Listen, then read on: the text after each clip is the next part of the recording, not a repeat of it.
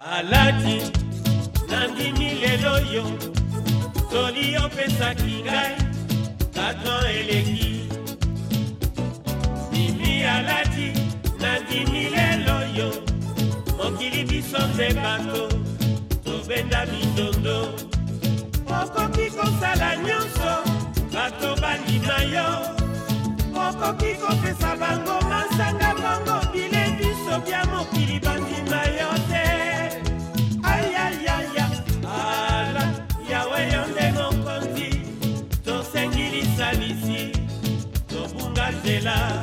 Es toda una leyenda en el Congo, Sam Mawana Franco. Murió hace ya mucho tiempo, pero su música sigue sonando y mucho. Y es que nos vamos a acercar aquí en Levando Anclas a la República Democrática del Congo. De allí viene nuestra invitada, la primatóloga Carmen Vidal Marsal, que ha sido galardonada con el premio Goodall de Biología de la Conservación y Ética Medioambiental.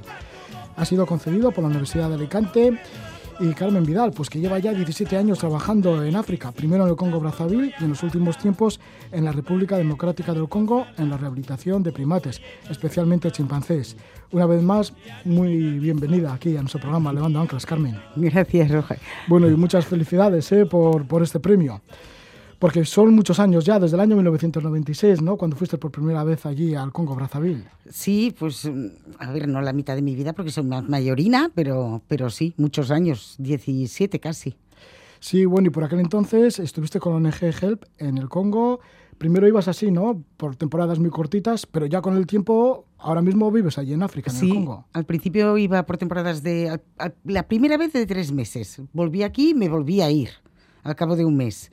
Y ya estuve tres meses más. Y luego venía aquí, trabajaba y podía pagarme el, el mantenerme ahí. Sí, desde entonces te estamos haciendo entrevistas, fíjate. Sí, es verdad. Sí, hemos crecido los dos.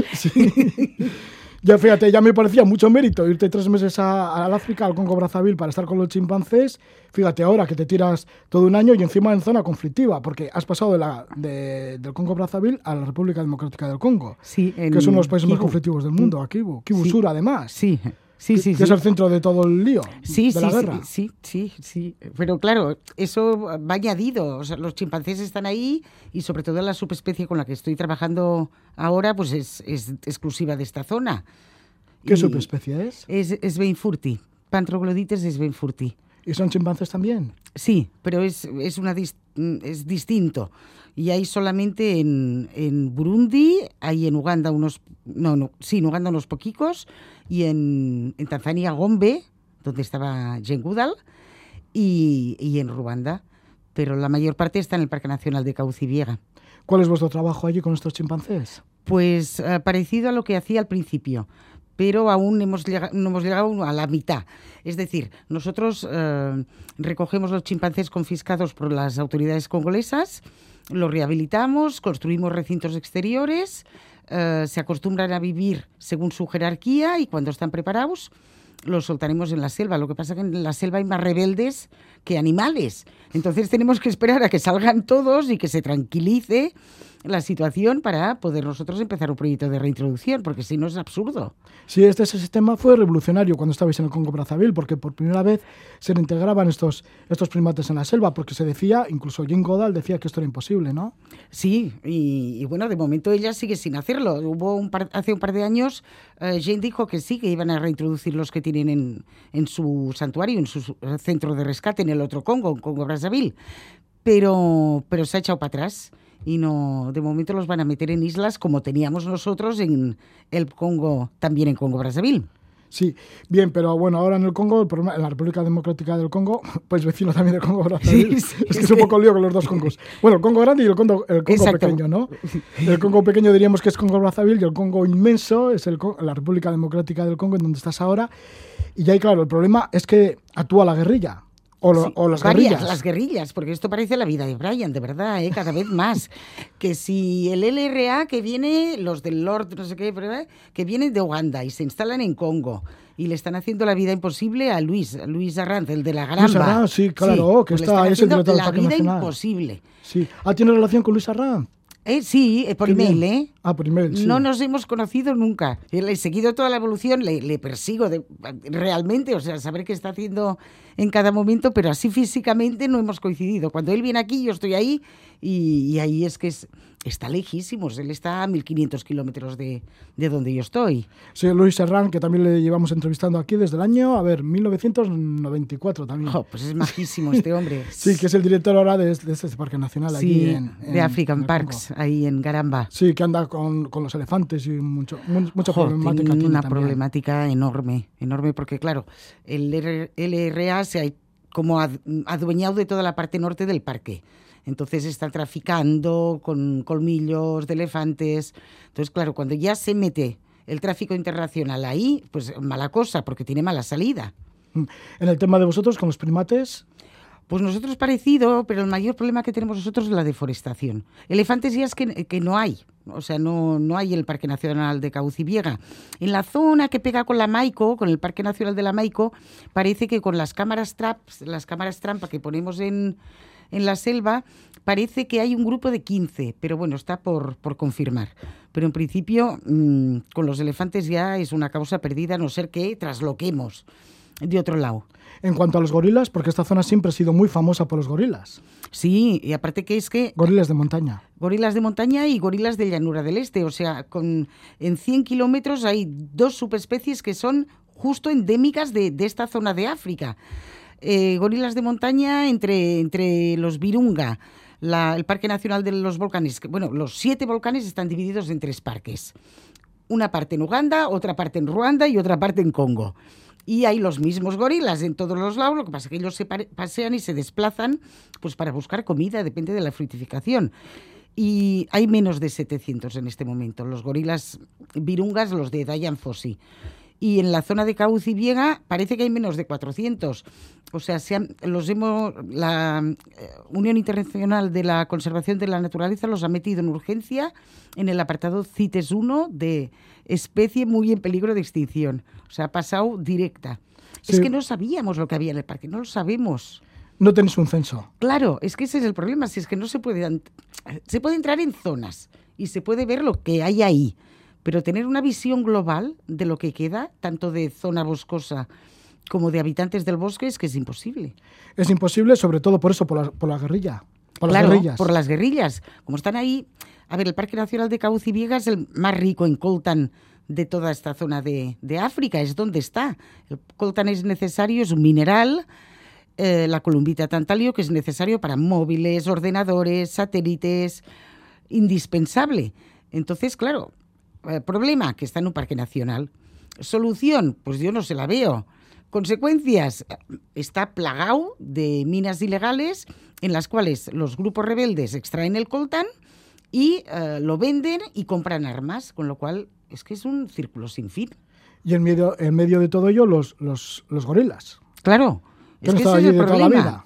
los gorilas y, y, y, la selva. O sea, Congo, a ver si no me equivoco en los datos, tiene 150.000 kilómetros cuadrados de selva. O sea, eso es inmenso. Es el segundo país que tiene selva más grande en el mundo. Y la tasa de deforestación actual es del 0,2%. Es enorme. O sea, con, la cantidad de selva que tiene el 0,2% representa como si cada año se deforestara Vizcaya, Vizcaya entera. Y, y claro, es que eso es inviable. Y si no hay selva, no hay animales. Y si no hay animales, no hay distribución de semillas y no hay selva. Y yo no sé de qué vamos a respirar, pero dentro de nada. Es que es un planteamiento ya muy serio que, al que hay que llegar. Además, si nos quedamos sin, los gorilas, que vamos, que son nuestros primos hermanos, es que ya, ya ves que esto casi ya no tiene sentido. Quiero decir que ya va cayendo todo, ¿no? Claro, pero es que además es que al límite que están llegando, que hay menos de 700, es que ya es bastante difícil de recuperar. No vamos a hacerlo, a dejar que llegue a ser imposible. O sea, los niveles de consanguinidad además están divididos en dos grupos, casi el 50% en cada grupo. Uno en Buindi, en, Uganda, y el otro en Congo, compartido con, Ruanda, Congo grande. Y, claro, eh, con 350 individuos el nivel de consanguinidad es enorme. Y aparte, además, con las guerrillas, pues ya los riesgos se multiplican. En otro tiempo, por ejemplo, los volcanes Virunga eran muy, una zona muy turística, igual la zona más turística del Congo. Y era debido por eso, porque muchos se acercaban a ver a los gorilas, aparte de las grandes bellezas que tenéis en el lugar. Claro, ahora está cerrado. O sea, el Parque Nacional de los Volcanes está cerrado Y si alguien quiere ver a los gorilas de montaña, tiene que ir a Uganda. ¿Cómo es Kibusur? Hablando de las bellezas del, del lugar, porque bueno, si Bueno. en la hipotética, eh, y ojalá sea así, que de repente cesara la guerra y que no habría guerrillas y, y no habría esa codicia por el coltán y todo lo que, toda la riqueza que tiene mineral, el lugar, bueno, pues en plan turístico tiene que ser máximo, ¿no? Es precioso. Hay eh, dos lagos enormes, que es el lago Tanganica y el lago Kibu. Y, bueno, la zona selvática es, es inmensa. Kibu, es, eh, Sur es, es gigante. Tiene más de 2.000 kilómetros de longitud. Y toda la zona de Kindu y Maniema está dentro de la, de la selva tropical. Entonces es como un, no sé, como una maravilla, ¿sabes? La octava maravilla, diría yo, si es que se- se conserva. Y esta octava maravilla la ves todos los, todos los días cuando estás Yo allí sí, trabajando? porque el, mi- o sea, el pueblo donde trabajo está a cuatro kilómetros de- del Parque Nacional. Y claro, como son volcanes, yo los veo desde mi casa. Entonces, y toda la selva. Sí, eh, tu pueblo es Luiro. Luiro. Luiro, que también hay cascadas allí, las cascadas de Sí, Luiro. las cascadas del Luiro, que son, son preciosas, son, son muy altas, no demasiado anchas. Pero bueno, yo recomiendo que cuando haya un poco de estabilidad, que, que la gente venga a visitarlo. Sí, el parque se llama de Causi Viega, porque son Sí. dos volcanes, el Causi y el y Viega. el Viega. Que tiene relación también con toda esa cordillera, con los Virunga y así. Sí, eh, en realidad son lo- los mismos. Bordeando el, lago Kibu, ves que hay una cadena montañosa de pequeños volcanes que llega hasta los Virungas. O sea, es una, una continuidad. ¿Se puede ascender al Causi y al Viega, estos dos volcanes? además eh, tenemos programas de, de ecoturismo para que los turistas que vengan puedan subir. De momento son los expatriados que viven y trabajan en ONGs, que viven en Bukavu y, y turismo local. Pero, pero bueno, cuando el turismo internacional sea más bollante, Ahora mismo se puede ir allí. Ahora mismo se ¿Como puede ir turista? ahí. Sí, Sí. sí, sí, Y el parque está abierto, ¿eh? Ujú. No es como el Virunga. Ya, bueno, el problema son un poco, volvemos otra vez a lo mismo, ¿no? A, a- a las, a las guerrillas. Por ejemplo, la- el M23, una de ellas, tomó, tomó goma, ¿no? Recientemente. Sí, el, Que estáis a 100 kilómetros de, de goma, de esta, de esta gran ciudad. sí, el, el 20N además fue. O sea que me- pues, a veces hay fechas que son malditas. Pues, pues sí, el M23 es un grupo rebelde que lleva instalado en el este de la República del Congo desde la Intemerata y, de hecho ellos se consideran tutsis congoleses. Ahí, como, como la zona donde están es la zona de, los mulengues, se les llama los bañamulengues. Y reivindican territorio que, dicen que les corresponde y bueno, pues en parte pues seguramente tienen razón. Eh, lo que pasa que, claro, ellos dentro del grupo re- rebelde se organizaron con mandos grados militares y reivindican que se incorporen en las fuerzas militares congolesas, pero que les respeten los grados que tienen en el grupo rebelde. Entonces esto es bastante difícil de negociar. Ya, y bueno, y ese 29 de noviembre de 2012, pues ocuparon goma militarmente y ahora parece ser que están apartados un poquito, ¿no? A dos kilómetros. A dos sí, kilómetros. De goma. O sea que en cualquier momento pueden volver a entrar. La verdad es que es un grupo rebelde que está súper bien armado y, y bueno... Armado por Ruanda. hay- exacto. Es que el problema es que tenemos el, el- un país vecino en el- con el cual Congo está en guerra, pero sin estarlo. O sea, no es una guerra oficial. Están todo el día peleándose, dándose el uno al otro, pero, pero no está reconocida como, como tal.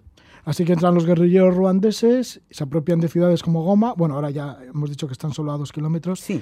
Pero sin embargo deben arrasar con todo por donde van, Todo. ¿no? Si es que, bueno, robaron, robaron todo. Coches, eh, todos los ordenadores, dinero, asaltaron bancos que había en Goma y todo lo llevaron para Ruanda. Es- era un desfile, por lo que se ve, de coches eh, llenos de soldados, armados, eh, del M23, mm, llevando material y material y material a, a Ruanda. A- Carmen, ¿y tú cómo recibes estas noticias? Porque solo estás a 100 kilómetros de Goma. Sí, bueno, pues estas noticias yo, pues eh, rezando una María si, si fuera católico, o sea, si fuera creyente, para que no bajen, ¿sabes?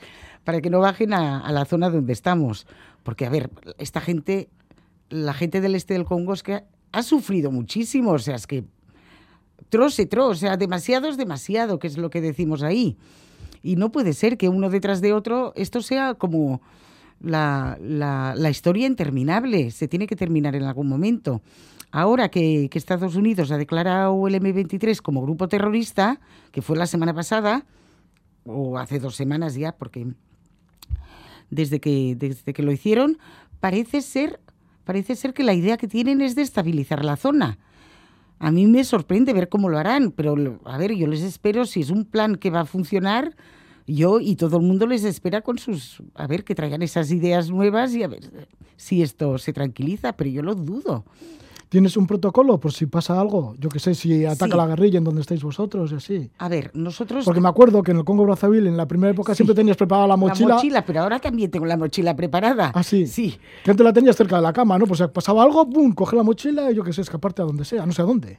¿Eh? A a la selva, ahí hubiera sido la selva y aquí me imagino que también, en la selva iría.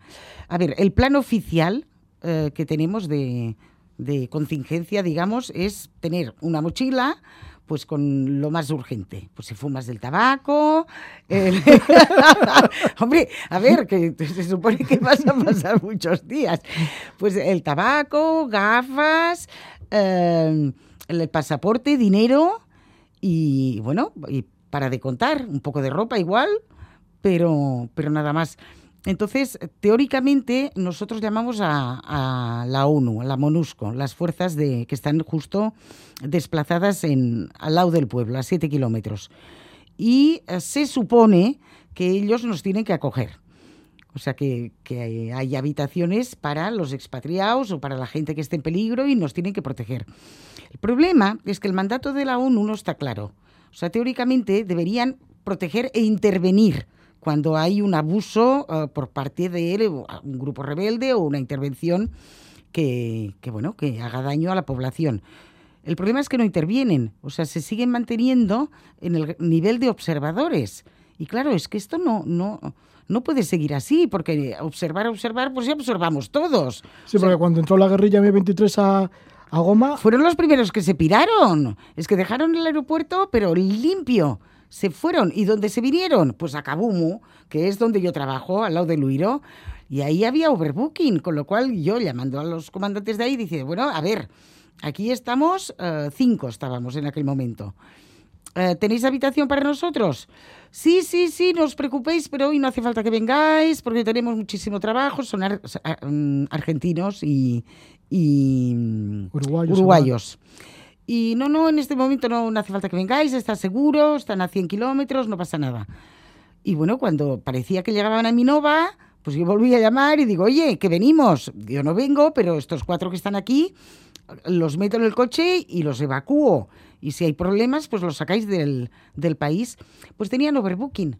Que no, que como estaban todos los de goma, que habían bajado a Kabumo, pues que no cabíamos. O sea, bueno, en fin. O sea, ni protegen, ni, ni comen ni dejan comer. Ese es el problema. bueno, pues es la situación que, bueno, que en cualquier momento, bueno, pues está estallando, ¿no? En, en donde estás, en Kibo Sur. Por otro lado, el proyecto que lleváis no solo es de ayuda a los chimpancés, sino que es un proyecto global, ¿no? Y bueno, perteneces a varias ONGs, a Solid- Solidaridad Internacional, que trabaja aquí en Euskal Herria, y por otro lado también a Coopera, que es una ONG de desarrollo de Logroño. Entonces, es un plan integral de toda la zona. Sí. Eh, el, plan, el objetivo central es la conservación.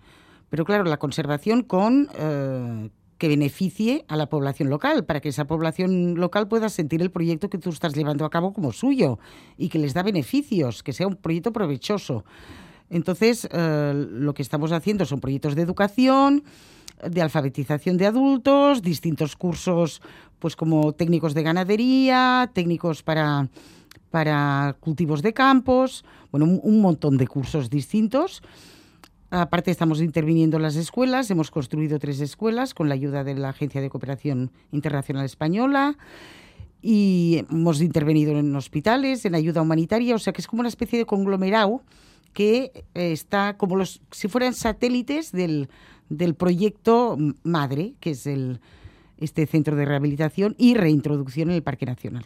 Y por otro lado también tenéis un, un plan de sensibilización a nivel local, ¿no? Sobre, supongo, Sí. del respeto que hay que tener a los animales. Sí, entonces mm, en- otro de los satélites es el trabajo directamente con el Parque Nacional, donde hacemos inventarios de fauna cuando los podemos hacer y sensibilización en la población local de por qué es importante eh, pues mantener la fauna y el, y el bosque vivos.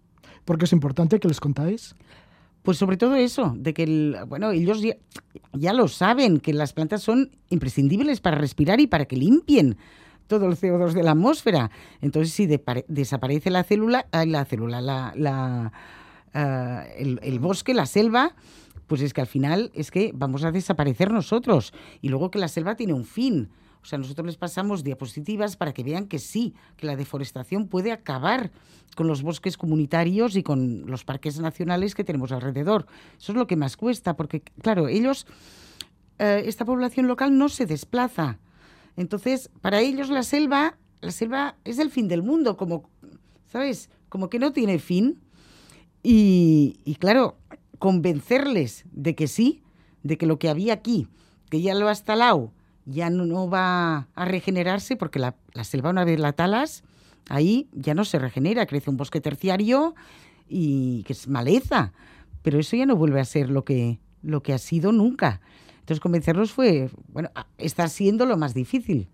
¿Qué tipos de animales recogéis? ¿Cuáles tenéis ahora? Pues tenemos uh, 70 monos pequeños y 54 chimpancés. Todos vienen de la caza furtiva, son, son huérfanos. ¿Por qué los cazan? Pues para comérselos los adultos y pero no es una carne que se coma que se coma siempre. Es una carne que se coma se come en las fiestas es un lujo. Porque claro conlleva mucho riesgo entrar en el en el parque y, matar a un chimpancé. Pero bueno se lo comen cuando hay fiestas cuando hay bodas y demás y uh, las crías las, las venden en el tráfico internacional de especies protegidas que son lo que nosotros recuperamos. Lo que pasa que nosotros recuperamos la punta del iceberg, ¿sabes? Lo que el cazador furtivo no ha llegado a vender al traficante internacional. Porque siempre, por ejemplo, me han, llamado, mandado un email hoy que hay siete chimpancés para confiscar. Entonces, como yo ya llego, pues vamos a habilitar. Y siempre es de golpe, siempre es en oleadas. No es un chimpancé aquí, otro. No, de repente hay siete, de repente hay diez. Entonces es que hay un encargo, un encargo internacional, uh, pues sobre todo destinado a China. Y, y bueno, uh, aparecen así. Es todo lo que el, los cazadores furtivos de la zona ya no han llegado a tiempo para venderle al, al, traficante internacional y él ya se ha ido con otros individuos. Y allí se los llevan a los pobres chimpancés a China. Sí. Vete a saber para qué.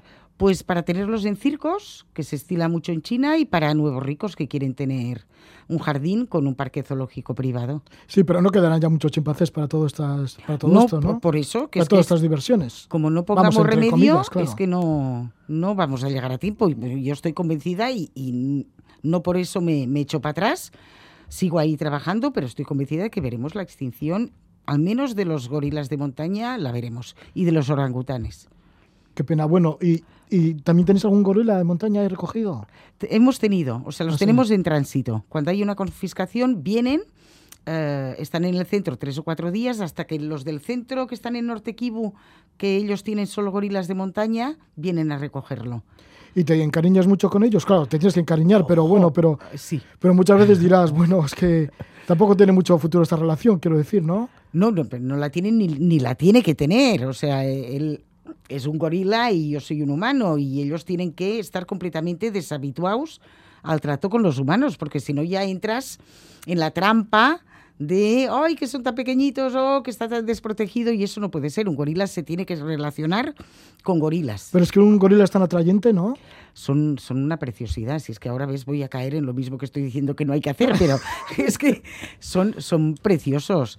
Y son mucho. A ver, los chimpancés bueno, son, son muy majestuosos. fuertes, y, bueno, pero los mentalmente sí. Los chimpancés son pero fuertes los gorilas mentalmente. no, son, son muy asustadizos, los- pues unos pobres cuitados.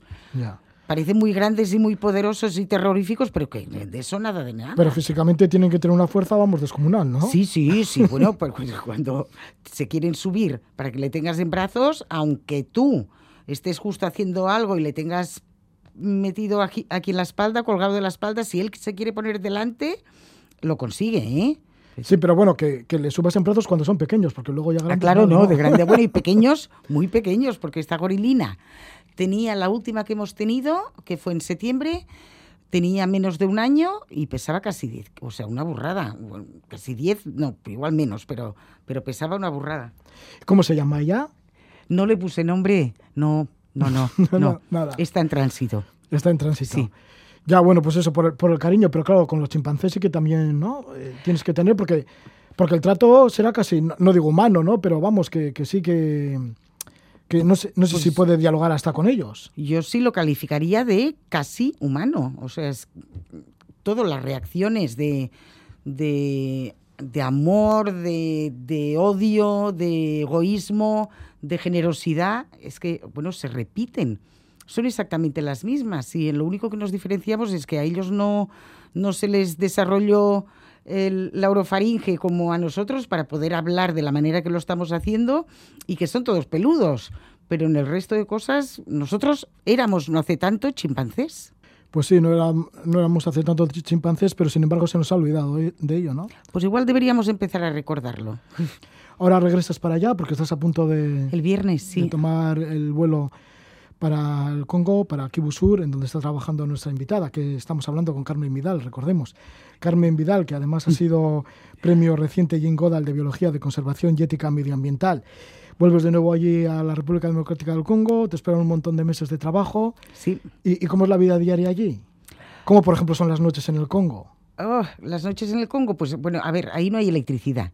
Entonces, a no ser que pongas el generador, tú no puedes hacer nada que no sea, eh, pues leer, leer un libro, estar tranquila en casa y, y, bueno, y escuchar lo que pasa afuera. Estar atenta. Y el día a día, el trabajo, bueno, estar atenta por si pasa Eh, alguna, Por si pasa alguna, alguna alguna- sorpresa. Alguna sorpresa, alguna Sí, alarma. ¿eh? desagradable, sí. Bien, ¿Y, y el trabajo del día a día? El día a día, la primera parte del día yo la dedico a trabajar con los chimpancés y a estar con los trabajadores, discutir lo que hay que hacer en ese día. Sí, porque tenéis como 35 trabajadores, ¿no? Sí, sí, sí. Entonces, esa es otra cosa. O sea, un proyecto de conservación dura mucho en el tiempo, es distinto de los proyectos humanitarios que estamos ejecutando y que ejecutan otras ONGs que son anuales. Entonces, tú coges gente y ese año tiene trabajo, pero el año siguiente no. Pero en los trabajos de conservación son de larga duración en el tiempo. Y esas 35 familias dependen absolutamente de que el proyecto siga ahí. Pero bueno, yo por la mañana nos reunimos, em, hablamos de los planes que hay que hacer en el día, si hay que decir alguna cosa se hace, si hay que ir a comprar pues hortalizas o lo que sea, que normalmente vienen las mamás a vendéroslo, pues se va.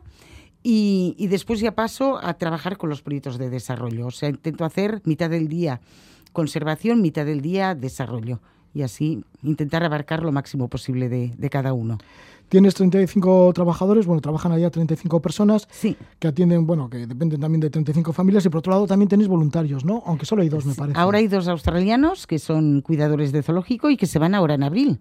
O sea que si alguien se anima, eh, que entre en la página de Luiro eh, de Facebook, el Luiro Primate se llama, y, y bueno, yo os animo que nos enviéis mensajes y que os animéis a venir de voluntarios. Sí, tienen que ser personas preparadas, bueno, por, por lo menos saber a dónde van, ¿no? Y Saber por a dónde van. Y el otro, bueno, tú eres veterinaria, claro, con muchos años de práctica y tal, pero seguramente que se necesitará pues algún profesional o, o no. Sí, pero sobre todo lo que necesitamos ahí es gente que pueda, aparte de hacer un trabajo que nos ayude, que pueda formar a gente que está ahí. O sea, capacitarlos. Pues si hay albañiles, pues mejor que mejor. Si trabajan con la madera, pues fantástico. Eh, si trabajan con, con los huertos y demás, pues, pues bueno, ideal, ¿sabes? O sea, gente que tenga ya una profesión y que tenga experiencia en esta profesión y que pueda capacitar a la gente que vive ahí, para que cuando esa persona se vaya, nos deje a gente formada y ellos puedan buscarse la vida para en Entonces el contacto para los voluntarios es Luiro Primates. Luiro Primates en Facebook. Bueno, Luiro que es L-W-I-R-O. Sí, Primates. y primates de primates. Ya. Pues muchísimas gracias, Carmen Vidal, por estar una vez más con nosotros. Que Gracias. te vaya muy bien por, por la República Democrática del Congo, que no pase nada, que todo vaya bien. Ya sé que es muy difícil, pero bueno. Y muchos saludos pues a los gorilas y los chimpancés. Venga, de tu parte. Vale, un fuerte abrazo, Carmen. Hasta luego. Mucha suerte. Agur.